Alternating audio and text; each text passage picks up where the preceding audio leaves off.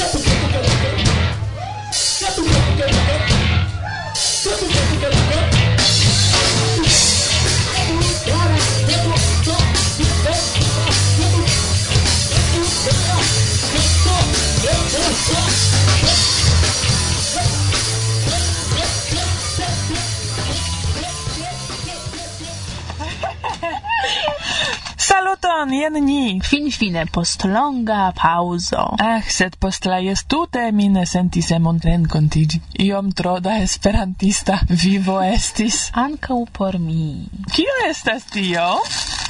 Tio estas donaco de glavkos. Mm, aspektas bon gusta donaco? Ne nur aspektas. Dum la jes, glavkos acetis tion kaj diris. Por la unua redakcia renkontigio. Ah, almenau unu auscultanto ne forgesis pri ni. Necesas al vi klarigo, cara. Glavkos acetis por ni vere bon gustain ciocoladain bombonoin. Mm, kaj ne pensu ke nur unu skatolon?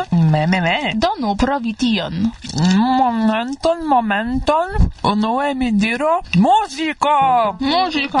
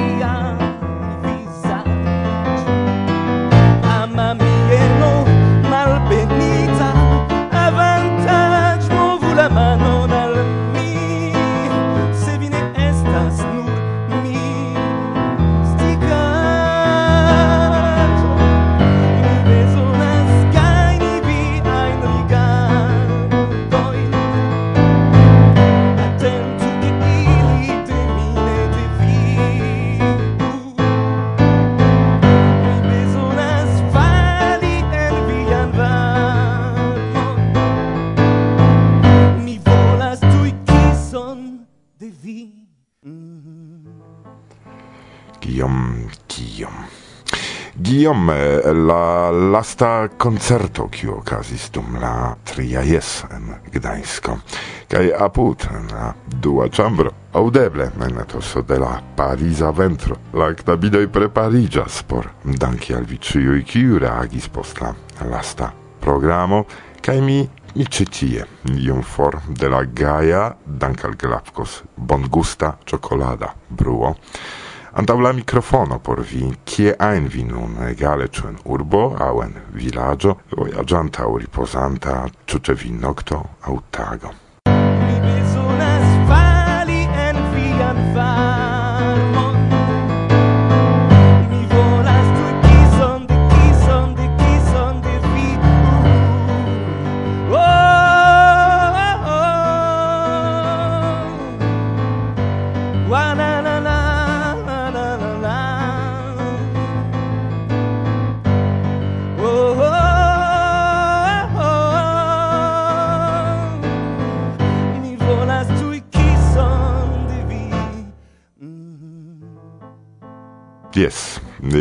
influis min la melancolia musico de kiom, kun kiu cetere post la momento ancora uni renkontiĝos, kaj kies koncerto dum la jes estis unu el la plej bonaj, kiujn mi aŭdis en nia Esperantujo.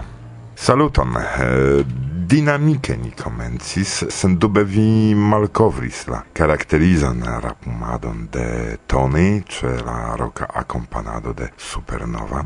Inter ni interesa combinajo, kiun eh, sen dube, cara Hosener, mi shatus audi en pli bona qualito. Sed la muzike hodiaŭa programo estas evidente pli trankvila ol la komenco kaj pli pensema, kion ankoraŭ vi malkovros.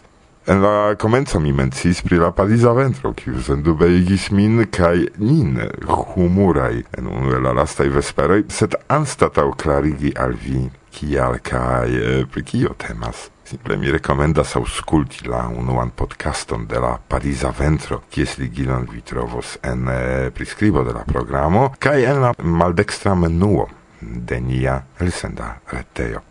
Pariza ventro iam conate sonas la nomo cara platano.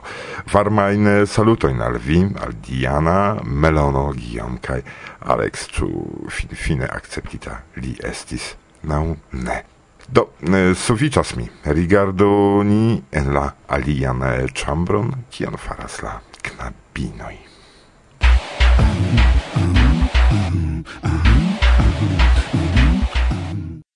mm, glavkos bon gustaj. Mm, jam, mm. Raffaello Rafaello pli bon gustas al mi. Mi provos nun tiun. Mm, mi tre ŝatas tiujn trufloj, tiel nomitaj. Tre ĉokoladaj ĉokoladetoj. Mm, francaj trufloj. Kun gusto de ŝampanvino. Momenton me. Mm. Eble, unue ion ni faru. Kion? Ja ni manĝas bongustajn dolĉaĵojn ne sufiĉas? Oh, no, nur parte. Sed fakte ni renkontiĝis por renkontiĝi ankaŭ kun niaj aŭskultantoj Ĉu bonbonoj malhelpas? Kelkaj eble ni lasu por Karina kaj Rude, ĉar hodiaŭ ili ne povis alveni. Mm, duono de bonbono por Karina kaj duono de bonbono por Rudi? Mm, tute sufiĉas por ili. Ĉu duono sufiĉos? Mia cara, ne mia culpo, ili for estas ne mi. Mi estimas glavkoson, kai se li diris, ke ni manĝu ilin dum la unua redakcia renkontiĝo post jes, liaj vortoj estas por mi sanktaj. Wow. Tamen Karina kaj Ruda ne povas veni. Agnieszka nun estas en Poznano kaj al Karina venis familio, do maltrafa tago. Mm, Tiui maltrafai tagoi estis jam kelkai egde comenzo de la jaro. Ancau por ni, ne forgesu. Bone. Do, ancora uno, kai ni povas comenzi. Da ni comenzu. Mm. Nun Rafaello mi mangiu. Mm. A potem mi trafalto. Tak Dos per canabo gi brulas Ven forte agas Kie fumo iras Se tute al oriente Tio signifas. Rete blovas verdan Iom da respect por podcasto ven plena Farita de Irake ate am sen pena. Pribreno black de besto Gi perfecte vin vecas Se ciam je horode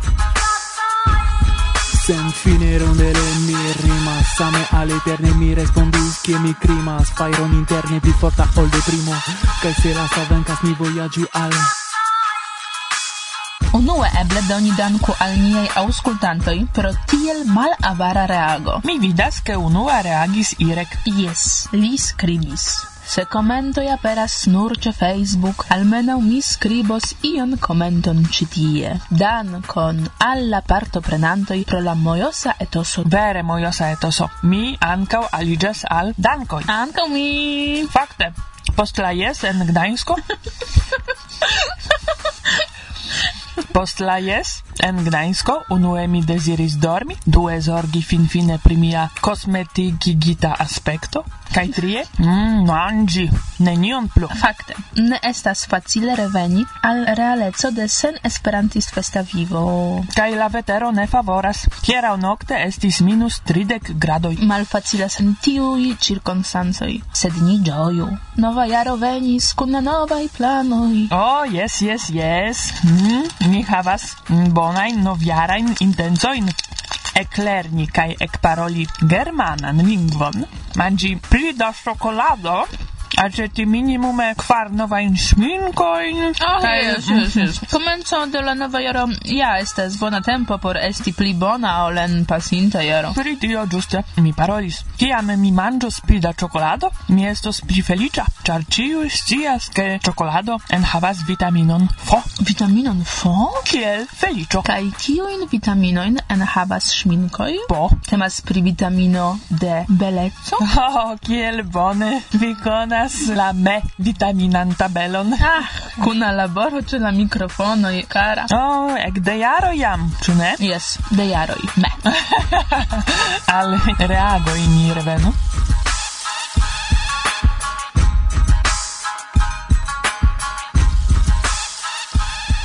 La plej unua kiu reagis estis Suzanne Boldu. Ŝi skribis: "Dankon karaj pro nova belsona bunta voĉ kaj muzikbukedo. Felician novan jaron alla teamo, kai al ciui auscultantoi. Auscultantoi, tio estis al vi. Dankon, Susan, ke vi nin auscultas. Ancau felician novan jaron al vi. Mememe. Iom malfrue, fakte, sed sincere. Alessandro de Filippis estis la dua, kiu reagis. Li scribis, belega la esperantigita itala canto paroloi, paroloi, paroloi. Mi consentas kun vi, Alexandro. Paroloi, paroloi, paroloi. Kai en... Eh, Varsovia vento ni fakte kutimas diri bla bla bla bla bla bla bla bla.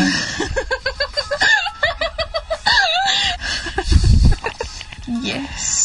Yes, do. Gunnar Fischer scribis. Finfine, mi Miam attendis. Tre mal enuiga elsendo. Necredeble. kiom rapide pasas la tempo, kiam oni auscultas gin. Kaj mi ne scias de kie Irek trovis fortojn tiel rapide meti la elsendon en reto. Ĉar li registris gin dum la jes. Do, verdire probable, li ne havis tro multe da laboro. Dum registrado de tiu elsendo estis tre tre bona etoso, mi devas diri. Gunnar, dank quali rec. Mi shatas scribis anonim. kiu estas li? Mi samon scias, kiel vi simple anonima auscultanto. Dankon anonimo. De anonima lando. Mm, malfacile saluti vin anonimo. Eble ni presentis sin kiel voĉo de ĉiuj anonimaj auscultantoj. Do, dankon fantomoj. Tamen mi ŝatas ti kiun mi salutas. Ekzemple nun mi deziras saluti Fabion Monteiro, kiu skribis. Mi ege ŝatas la programojn. Gratulegon al ĉiuj, kiuj faris ilin. Vi ĉiuj multe helpas mian lernadon. Ankaŭ ni multe lernas dum registrado de tiu ci programoj. Lernu kun ni, lernu, lernu, lernu, lernu. lernu. Kun lernu. Ni? Do lernu kun ni per tre bone konata rekta Varsovia venta metodo. Bonan lernadon al vi Fabion. Sincere ni deziras al vi la plej mojosan lernadon dum aŭskultado de niaj elsendoj. Sekva komento. Oh, jes mi auskultis ke mi povas diri mirinda aŭ mojosa. Do mi pensas ke tempo por alia ĉokolado.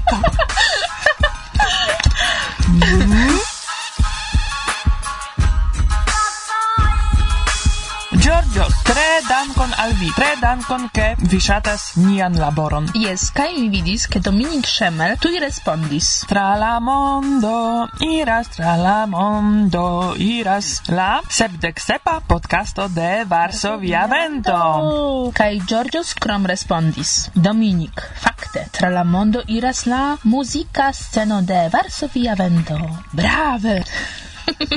El Frosta Polando. Ego Frosta. Non pri Hanka, kiu skribis. Brave! Interviuo kun Johannes Mueller. Interviuo kun Johannes? Hmm, mi ne memoras ke ĝi aperis en la lasta elsendo. Intertempe Irek komencis kompletigi nian retejon kaj en la arkivejon metis publikitajn jam materialojn. Ono el ili estis ĝuste interviuo kun Johannes. Tiu reago koncernas ĝuste tion. Bonvenon al arkivejo de Varsovia Vento. Aŭskultu iom ne tutajn elsendojn, sed ekzemple intervjuojn kun ĉiuj tiui artistoi kiuin ni intervjuis jam. Jam. Jam, jam, jam, jam, jam. Mi amas viajn podcastojn, tute freshaj kaj mojosaj, knabinoj, mi ŝategas viajn voĉojn. Via energio feliĉigis mian hodiaŭon. Saluton al Irek, skribis Santi Flukti. Joj, Sankti tre tre tre dankon. Kaj vidu tiun reagon, skribis Guillermo Sanchez Cordero.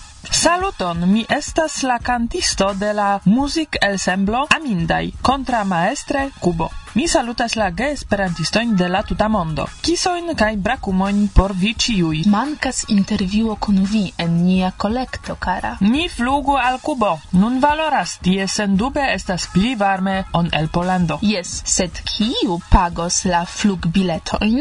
Tiu estas surteraj aferoj, malflugaj aferoj, sed tamen pri revoj temas. Sed fakte ŝajne multaj ŝatus aŭskulti amindajn. Kaj la intervjuon pri ĉarma grupo de la Cariba insulo. Irek notu.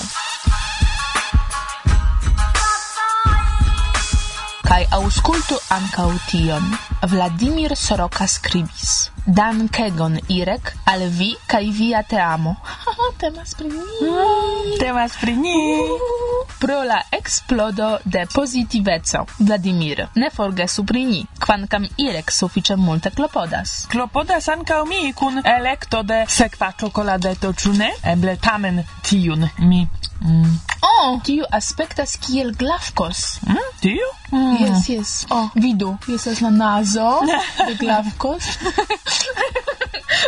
same kiel glancos tiel dolĉa. Uno, du, tri, kvar restis malmulte.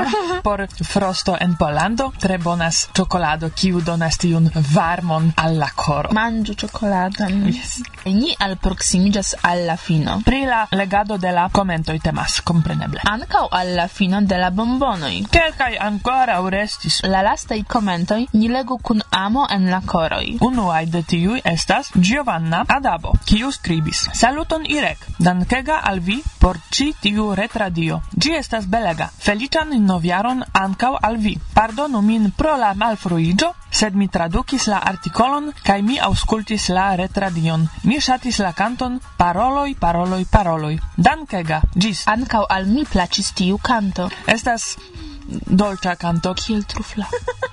Martusia mi vidis tion. Hmm, kiom?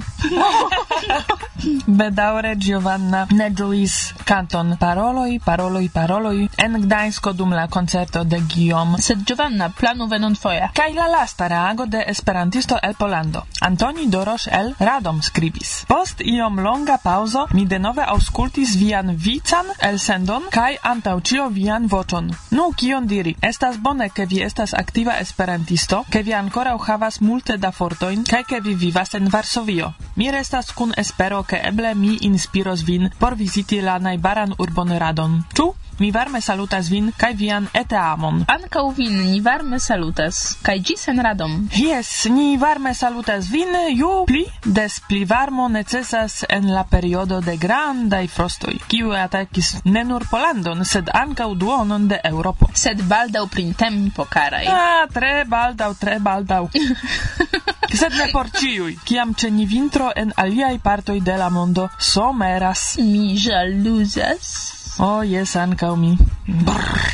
Hm. Kion nun? Mm, nom trufloi, trufloi, glavkos, ancora foie dankegon pro la cioccoladetoi. Ili vere bon gustas dum registrado, kai ni petas pli.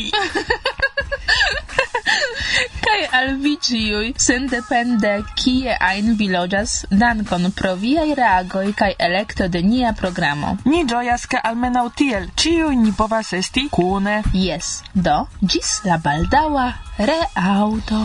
Tiun bonbonon lasu estas por mi! Oh! Ĝis! Tio, kio estas en mia buŝo, estas mia. Ĝis! Dos per canabo gi brulas, ven forte agas, kie fumo iras, se tute al oriente, tio signifas, recte blovas vental. Iom da respect por podcasto ven plena, farita de Irake ate am sen pena, Libro noble de besto, Gi perfekte vin vecas de ciam je horo de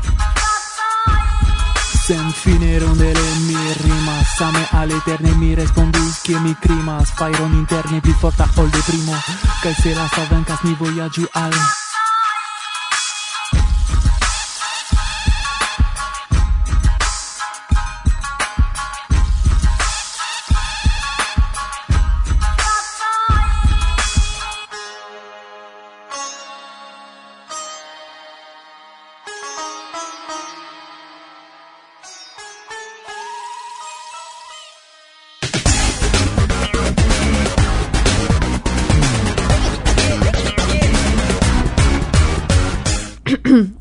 evento. Fine de la pasinta jaro, dum kiam mi estis dum la jes de Ari el Kubo, mi ricevis sekvan raporton kun la novaĵoj pri la agado de samideanoj tie, kaj pro tio, ke hazarde la materialo evidentiĝis iom pli plena ol mi ŝatus prezenti ĝin en la podcasto. Mi decidis krei apartan subpaĝon por la kubaj novaĵoj, kie vi trovos ne nur la nunan, sed ankaŭ la antaŭajn sonraportojn de Ari. Al ciui do el intervi, kiui interesigas pri la esperantista vivo en la Cariba insulo, mi recomendas klaki ligilon en prescribo de la programo au serci la subpagion en la archiveio de Varsovia. Vento, bla, bla, bla.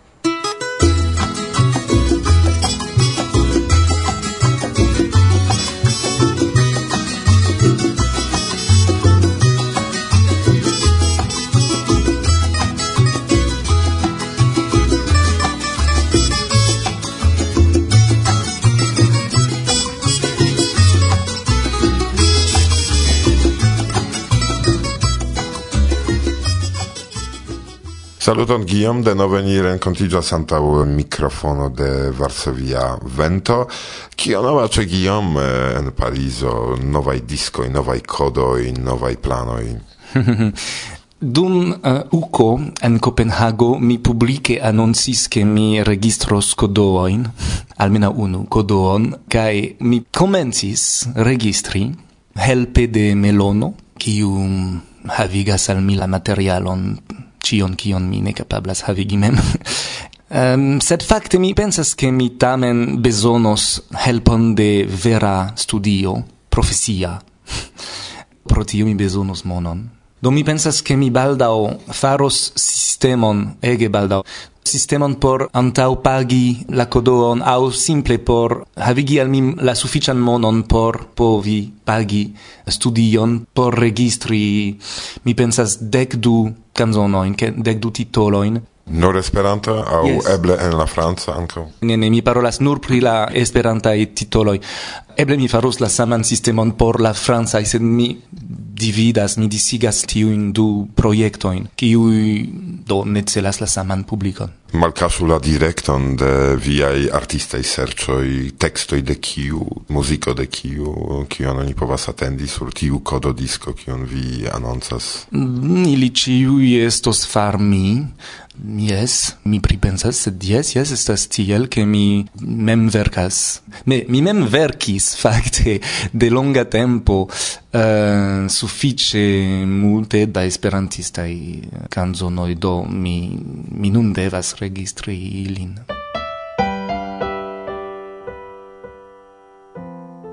pri amo au pri iui complicai aferoi de la homa vivo au pri simplai ordinarai aferoi? Do, cefe pri amo, kai miai pensajoi pri la homaro generale, se tamen ciam pli mal pli rilate al eh, amo kai ehm, la tuttaga ehm, vivo mia franza proiecto nun mia nuna franza proiecto estas pli ekologiema do ne recte temas pri amo sed la mi ancau temas pri amo simple amo al naturo. Amo al la naturo yes yes. Amo amo al la homaro tut simple oni devas iam kelkfoje konscii ke eh, paroli pri amo ne nur estas paroli pri sento inter du homoj ĉu ne ke mm, tio povas esti kelkfoje iom eh, enfermiga.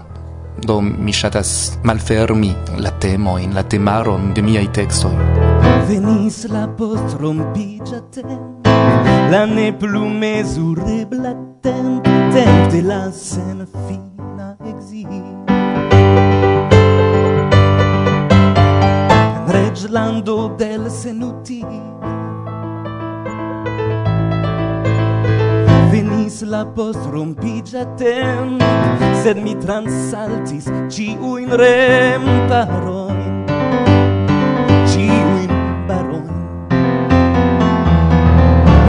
viajn in secchi gisgai mi ne plu attendas vin sur la kaj venis mallibereco danka la kvatalo de la manc igis captil per iu truc la antaŭe milda lit Venis mal liberezzo dank al vi, sed mal plena ier ancoro, mia coro. Miain oculoin briligas joy mi ne plu attendas vin sur voi. Cia mi audis vin concerte, mi pensis che, eh, bone congruos violono, exemple. Ĉu vi ne pensis eh, kunludi kun io? Multfoje mi pensis pri tio. Um, La afero estas che gis nun iam estas suffice malfacile por mi cion regi por mi mem kiel pianisto kaj cantisto. Poste la afero igas iom, iom complica. Mi vere admiras grupojn kiel exemple la perdita generacio kiuj estas tiam mult nombra kai bonege regas projekton kun tiuj qui u eĉ ne loĝas en la sama lando.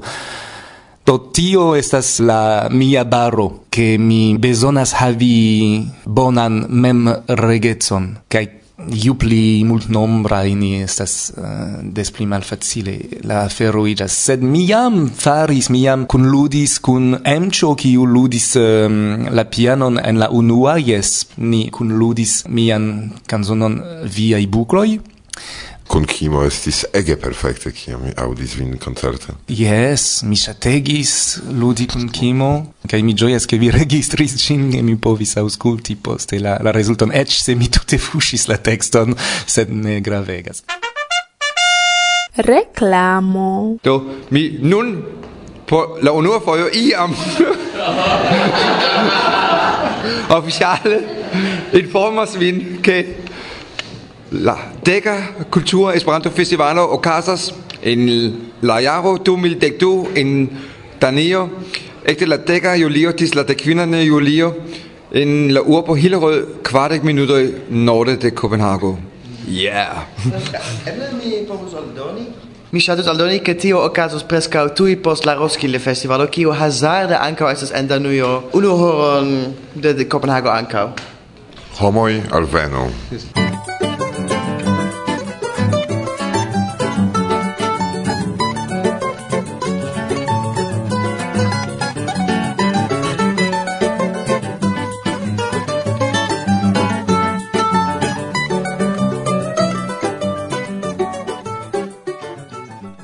via vento, bla bla bla.